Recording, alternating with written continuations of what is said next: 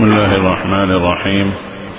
الحمد لله رب العالمين وأفضل الصلوات على سيد الأنبياء والمرسلين سيدنا ونبينا وحبيبنا وقائدنا محمد وعلى آله الطيبين الطاهرين.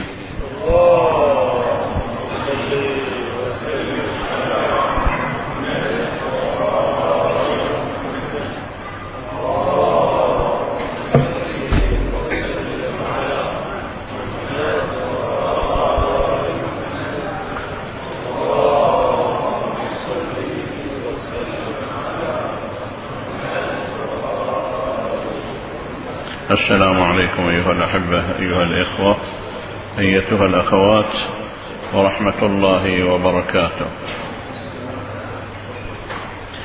الخط البياني لحركة الإمام المهدي عليه السلام. ينطلق من مكة كما تحدثنا. وماذا بعد مكة؟ الانطلاقة من مكة المكرمة عند بيت الله الحرام. من مكة يتحرك الإمام المهدي إلى المدينة المنورة. هذا هو الخط البياني لحركة الإمام. مكة المكرمة يتحول إلى المدينة المنورة. ومن المدينة المنورة ينطلق إلى النجف الأشرف.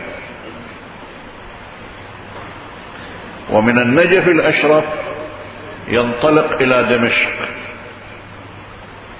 ومن دمشق إلى فلسطين. هذا الخط البياني لحركة الإمام المهدي. ماذا بعد فلسطين؟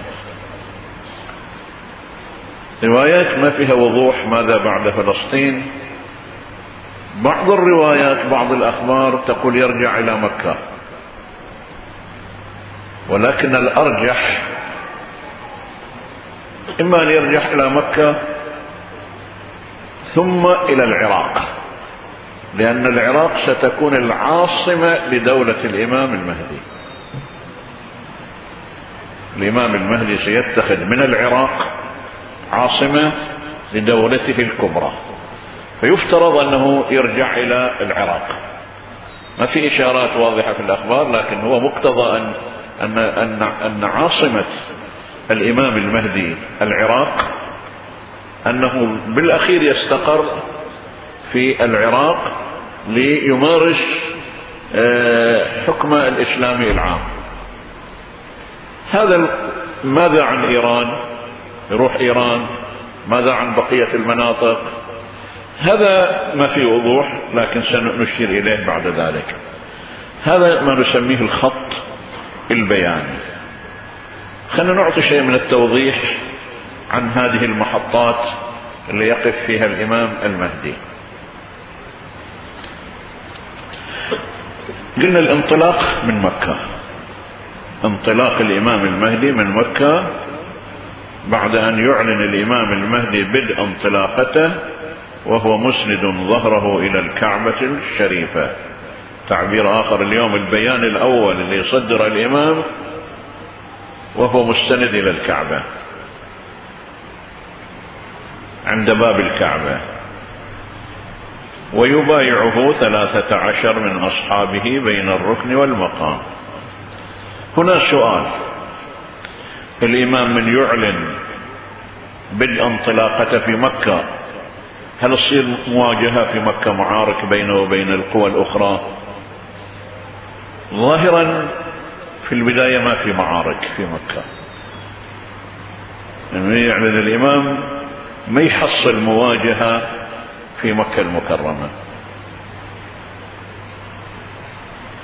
لا تتحدث الأخبار عن مواجهات بين في مكة عند بدء الانطلاقة. ولا تتحدث الأخبار عن مبايعة أهل مكة للإمام المهدي.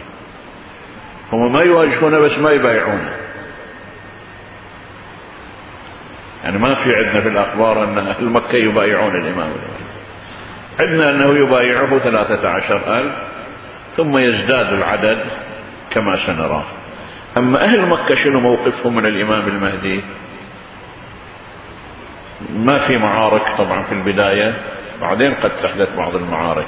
بس في بداية انطلاقة الإمام ما في معارك بين الإمام المهدي وبين أهل مكة. وما في, في إشارة في الأخبار أنهم يعلنون بيعتهم للإمام المهدي. ما تتحدث عنه الأخبار أن الإمام المهدي يمكث في مكة مدة من الزمن. إيش قد يبقى في مكة؟ مدة من الزمن. شهر أيام شهر أشهر. هي قطعا بعض أشهر ما تزيد يعني كثير. بس الروايات ما تتحدث عن المدة اللي يبقاها الإمام المهدي حينما يطلع في مكة. كم هي هذه المدة؟ لا تذكرها الأخبار.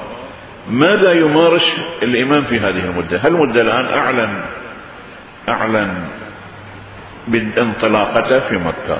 شو يسوي الإمام المهدي في مكة؟ أخبار ما تحدثنا. شو طبيعي أنه سيؤم المصلين في البيت الحرام. بعد من يعلن دعوته بعد ما يصير بعد واحد يتقدم للصلاة في بيت الله.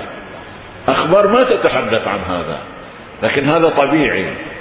يعني من الإمام يعلن حركته ويعلن دعوته وما يجد أي مواجهة من أهل مكة طبيعي سيكون هو إمام الحرم. ما في إشارة في الروايات في الأخبار لكن من الطبيعي جدا أن يكون الإمام المهدي هو إمام الحرم هو الذي سيصلي بالمسلمين عند بيت الله. لا تشرح لنا الأخبار ذلك إلا في بعضه. عندنا في بعض الأخبار أنه يقيم بعض الحدود. شلون يقيم بعض الحدود؟ على من يقيم بعض الحدود؟ هذا متروك إلى وقته. ومن المتوقع جدا كما قلنا أن الإمام في هذه المرحلة مرحلة بدء الانطلاق وهو في مكة أنه يوجه خطابه من مكة المكرمة إلى كل المسلمين وإلى جميع العالم. الإمام ما جاي بس لأهل مكة فهو يوجه خطاب عام للمسلمين ولكل العالم. وطبيعي واضح جدا من حدث بهالملفت وحدث بهالمستوى لا شك ستتناقله كل وسائل الإعلام. حدث مو عادي حدث كوني مو عادي. الإمام من يعلن خطابه ويعلن دعوته للعالم ستتصدى كل وسائل الإعلام العالمية لإيصال ولذلك الأخبار الإمام يتحدث ويسمع صوت في المشرق ويسمع صوته من, من في المغرب هذا ما أصبحت اليوم صعبة يوم صارت صارت بكل, بكل بساطة يتحدث وهو في مكة ويسمع صوته كل من كان في العالم ومن المتوقع جدا أن الإمام المهدي في هذه المرحلة مرحلة بدء الانطلاق أنه يوجه خطابه من مكة المكرمة إلى كل المسلمين في. وإلى جميع العالم حيث أن أصداء ظهور الإمام سوف تنتشر عبر وسائل الإعلام إلى جميع أقطار الدنيا. وذكرنا أن أول من يعلن حربه مع الإمام المهدي عليه السلام السفياني الذي يسيطر على الشام. من يعلن الإمام عندنا السفياني مسيطر على الشام فيحرك جيشا لمقاتلة الإمام المهدي في مكة. هذا الجيش يبدأ بالمدينة المنورة ثم ينطلق إلى مكة وعند البيداء يخسف به كما تقدم. وبعد أن يمكث الإمام المهدي مدة من الزمن في مكة وبعد أن يكتمل أنصاره عشرة آلاف ينتظر الإمام إلى أن يتكاثر أنصاره. سأنصار يجون من مختلف العالم. من مختلف أقطار البلاد الإسلامية يتقاطرون على مكة. أول من يبايعه الأنصار الكبار يعني الكوادر نسميها المتقدمة 313 ثم يزداد العدد.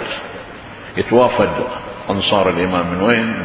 من إيران من مصر من الخليج من البحرين من لبنان من كل مكان. يتوافدون إلى أن يصير عدد عدد أنصار الإمام عشرة آلاف وفي رواية خمسة عشر ألف فيبدأ يتحرك من مكة للمدينة. ينتظر إلى أن يكتمل عدد عشرة آلاف أو خمسة عشر آلاف فيبدأ يتحرك من متوجها إلى المدينة. طبعا من يتوجه للمدينة الإمام يعين حاكم على مكة. وما يتركها. خلاص مكة صارت تحت سيطرة الإمام المهدي. فيعين حاكم على مكة. من يوصل في منتصف الطريق يصل خبر أن أهل مكة انقلبوا على الحاكم وقتلوه. يقول نحن ما بايعوهم. استسلموا استسلام فالإمام من يوصل في الطريق يصل له خبر أن واليه على مكة قد قتل. انقلاب. فيرجع الإمام مرة ثانية إلى مكة ويصفي الجيوب المتمردة ويعين حاكم آخر وتبقى مكة خاضعة لسيطرة الإمام المهدي. هذا المحطة الأولى. نجي للمحطة الثانية المدينة المنورة. المحطة الثانية المهمة في حركة الإمام المهدي هي المدينة المنورة. في المدينة يخوض الإمام معركتين. المدينة تصير مواجهة للإمام فيخوض الإمام في المدينة المنورة معركتين. المعركة حين وصوله إلى المدينة حيث يتصدى له أقوام. ويحرضون الناس على مواجهته وقتاله فيقاتلهم الإمام ويقتل منهم مئات كما تتحدث بعض الأخبار وهكذا يفرض سيطرته على المدينة ويعين عليها حاكما. والمعركة الثانية الإمام أيضا من يترك المدينة ويتجه إلى الشام هم أهل المدينة ينقلبون ويقتلون الوالي. فيرجع الإمام مرة ثانية ويقاتلهم. هاي المعركة الثانية. وهنا عاد معركة حامية يصفي منهم تصفية عنيفة. حتى بعضهم يتمنون يقولون هذا لو كان من آل محمد ما كان قاسي في القتل بهالمستوى. ما في. يعني ما في مسالمة مع أعداء الله. فيصفي كل المواجهات وتخضع المدينة لسلطة الإمام المهدي. كم يبقى في المدينة المنورة؟ لا تتحدث الأخبار عن ذلك. ما هي المهمات التي يمارسها في المدينة؟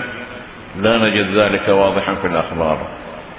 نعم تشير بعض الأخبار إلى حدوث حوارات مع الإمام المهدي حول قضايا العقيدة. يبدأ يطرح مفاهيم الإسلام ورؤية الإمام حول الإسلام الأصيل الحقيقي فيتصدى للبعض يحاور يناقشة وتصير حوارات معينة يأكد فيها الإمام المفهوم الحقيقي للإسلام. ولعل يبدو يصير عنده خطابات في المسجد النبوي يوضح فيها الإسلام معالم الإسلام. الإسلام الحقيقي يطرحه. هاي المحطة الثانية. المحطة الثالثة للإمام اتجاهها للعراق. اشتبهت قلت طريقة للشام لا بطريقة للعراق. المحطة الثالثة في حركة الإمام هي النجف الأشرف. ليش نجف الأشرف الخصوص؟ وكيف سيصل إلى النجف أو إلى الكوفة؟ ما يسمى الأخبار ظهر الكوفة. من تعبر الأخبار عن ظهر الكوفة يعني يعني النجف.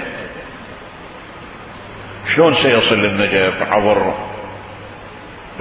برا بحرين؟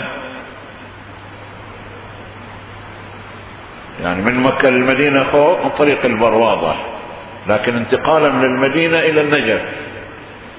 الإمام شنو راح ينتقل بأي طريق؟ عندنا روايات تقول أنه يرسل جيش جيشا بريا. وهو يوصل للنجف عن طريق الجو. ما يمكن سابقا نستغرب يقول لو لو سامعين هالرواية قبل لا يفتح مطار. النجف يمكن نستغرب. شلون الإمام يجيب الجو إلى النجف؟ اليوم المسألة سهلة صارت. صار النجف انفتح الحمد لله فما في مشكلة. يعني يقول شلون الروايات يقول الإمام؟ لاحظوا الرواية ماذا تقول؟ الإمام يتوجه مباشرة إلى الكوفة أو ظهر الكوفة يعني النجف كيف يتحرك إلى العراق؟ هل يتحرك برا؟ هل يتحرك جوا؟ يظهر من الأخبار أن دخول الإمام المهدي إلى العراق يتم برا وجوا.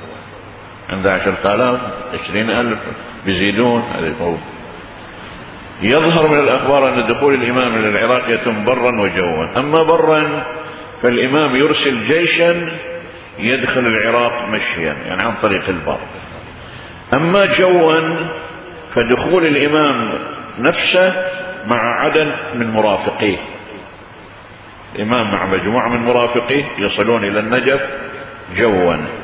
شلون نستفيد هذا المعنى؟ في خبر عن الإمام الباقر عليه السلام أورده العياشي في تفسيره من أقدم كتب التفسير الشيعية. في خبر عن الإمام الباقر يقول ينزل القائم يوم الرجفة بسبع قباب من نور. السبع قباب من نور. يبدو هذه مركبات فضائية. ينزل في قباب من نور. يعني مشعة ينزل القائم يوم الرجفة بسبع قباب من نور لا يعلم في أيها هو. إجراءات أمنية. واليوم يطلعون الحكام يطلعون يلبسون في في في سرب من ال من ال من من السيارات وما حد يدري وين صاير هذا. الإمام يجي في سبع قباب من نور. بس في أي واحدة من عندهم هو ما حد يدري فيه. ينزل في بسبع قباب من نور لا يعلم في أيها هو حتى ينزل ظهر الكوفة. ظهر الكوفة يعني النجف. فينزل في النجف. في قباب من نور سبع قباب من النور لعله إشارة إلى مركبات فضائية أو سرب من الطائرات. ينزل بظهر الكوفة وفي هذه إشارة إلى وجود مطار جوي بظهر الكوفة أو قاعدة جوية لنزول الطائرات أو المركبات الفضائية. فظهر الكوفة يعني النجف. العراق شلون؟ تصير بمعارك. فوصل الإمام إلى النجف. العراق حسب الروايات في ثلاث قوى حينما يصل الإمام. ثلاث قوى موجودة في العراق حينما أو ما تعبر عنها الروايات ثلاث رايات. راية تعبير عن قوة قوة سياسية قوة دينية قوة. ثلاث رايات موجودة في العراق من يوصل الإمام الراية الأولى والقوة الأولى أو الاتجاه الأول المؤيدون للإمام المهدي عليه السلام وهؤلاء يعلنون الانضمام للإمام فور وصوله. مؤيدين الإمام موجودين في العراق. شيعة المسلمين المعتدلين. هذا الراية الأولى القوة الأولى في العراق هذه تعلن رأسا فورا انضمامها للإمام المهدي. فتنضم للإمام المهدي. اكو راية ثانية أتباع السفياني أتباع السفياني المتشددون ضد أتباع أهل البيت. هذين متعصبين ضد الشيعة. ويبدو يبدو المتشددين يبقون إلى إلى ظهور الإمام أو أن بعد سيطرة السفياني يتشكل هذا الوجود. لأن قلنا السفياني يرسل جيش للعراق. بعد ظهوره بعدما يستخبر يرسل جيش للمدينة للا مكة فيقصف به ويرسل جيش للعراق. فيتشكل وجود للسفياني في العراق. حتى بعض الروايات تقول أصحاب السفياني يعني شخصية قيادية في العراق تمثل السفياني خط السفياني هؤلاء شديدين عنيفين ضد شيعة أهل البيت كما تقول الرواية. كما تذكر الأخبار أن سفيان يرسل جيشا للعراق ويمارس القتل والفتك وفي بعض الأخبار أن صاحب السفياني يعني من يكون موالي للسفياني في العراق سفياني يعين له ممثل في العراق أتباعه في العراق أن صاحب السفياني في العراق ينادي مناديه من جاء برأس شيعة علي فله كذا من المال. أي واحد يجيب رأس شيعي نعطيه كذا من المال. وهذا صار طبعا وقد يصير في وقت ظهور الإمام بعد بطريقة أخرى. بس هو صار زرقاوي وربعة وهالخط هذا. كان يقول كل واحد يجيب شيعي يقتل شيعي يحصل من هالدولارات وهال اسمه. فالرواية منطبقة تماما تقول ينادي هذا صاحب السفياني من من جاء برأس شيعة علي فله كذا من المال فيثب الجار على جاره ويقول هذا منهم. فيضرب عنقه. صارت جار على جارة وال اسمه. فيثب الجار على جاره ويقول هذا منه فيضرب عنقه ويأخذ المال. هذه الرأية الثانية. أنا نتحدث عن خريطة ميزان القوى في العراق. كيف يصير بعدين؟ شلون المعارك؟ هذه مجرد رسم خارطة القوى السياسية والقوى الدينية في العراق. وعندنا إذا قوة موالية للإمام عندنا قوة معادية للإمام معادية لخط أهل البيت يمثلها خط السفياني الروايات تتحدث عن راية ثالثة بس ما توضح هويتها تماما. أيضا معادية للإمام. أنا أتصور أن الراية الثالثة تمثلها الجماعات الموالية للغرب أو المنتمية سياسيا أو الجماعات اللادينية من العلمانيين والليبراليين. آه هذا خط. هذا هم يوجد راية لهم في العراق. هذه هم تواجه الإمام تعارض الإمام. فهي هذه عندنا إذا ثلاث قوى ثلاث قوة القوة المؤيدة وقوتين معارضتين. قوة السفياني هذا الخط الديني المتشدد السلفي والقوى يمكن العلمانية الموالية للخط الغربي لأمريكا وللقوى الغربية. السؤال هنا إيران شنو موقفها في الأحداث؟ بقية مناطق الدول الإسلامية شنو موقفها؟ إيران ترسل مدد يساند الإمام مجرد أن تصل الراية من خراسان. راية خراسان كناية عن القوى التي تساند الإمام, الإمام من إيران. إيران يعني مبايعة للإمام رأسا بعد ما بي إشكال. بل ترسل قوى للعراق تساند الإمام وتدعم الإمام ولعل هذا ما يسمى عنه براية الخراساني.